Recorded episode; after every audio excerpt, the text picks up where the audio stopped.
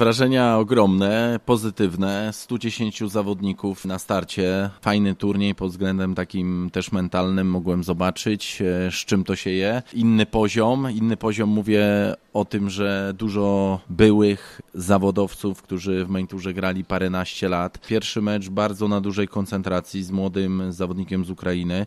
3-0 na moją korzyść, a więc jakieś takie malutkie punkciki już się e, zdobywa w Q-turze. 91-67 wysokie breaki 3-0. Następny mecz już zagrałem z bardzo doświadczonym zawodnikiem, który też parę lat był medalista Mistrzostw Europy, wiele lat w main tourze. Anglik 137 pierwszy break, później zrobił 67, dwa breaki po 40, dwa breaki po 40 punktów, 3-0. Pakujemy się i wracamy do Polski, także ten Q-Tour to jest naprawdę taki przecionek zawodowego snookera i nie pozostaje mi nic innego, jak wyciągnąć, wyciągnąć wnioski, koncentrować się na kolejnym turnieju już do Castle, do Anglii 15-17 grudnia gram kolejny Q-Tour.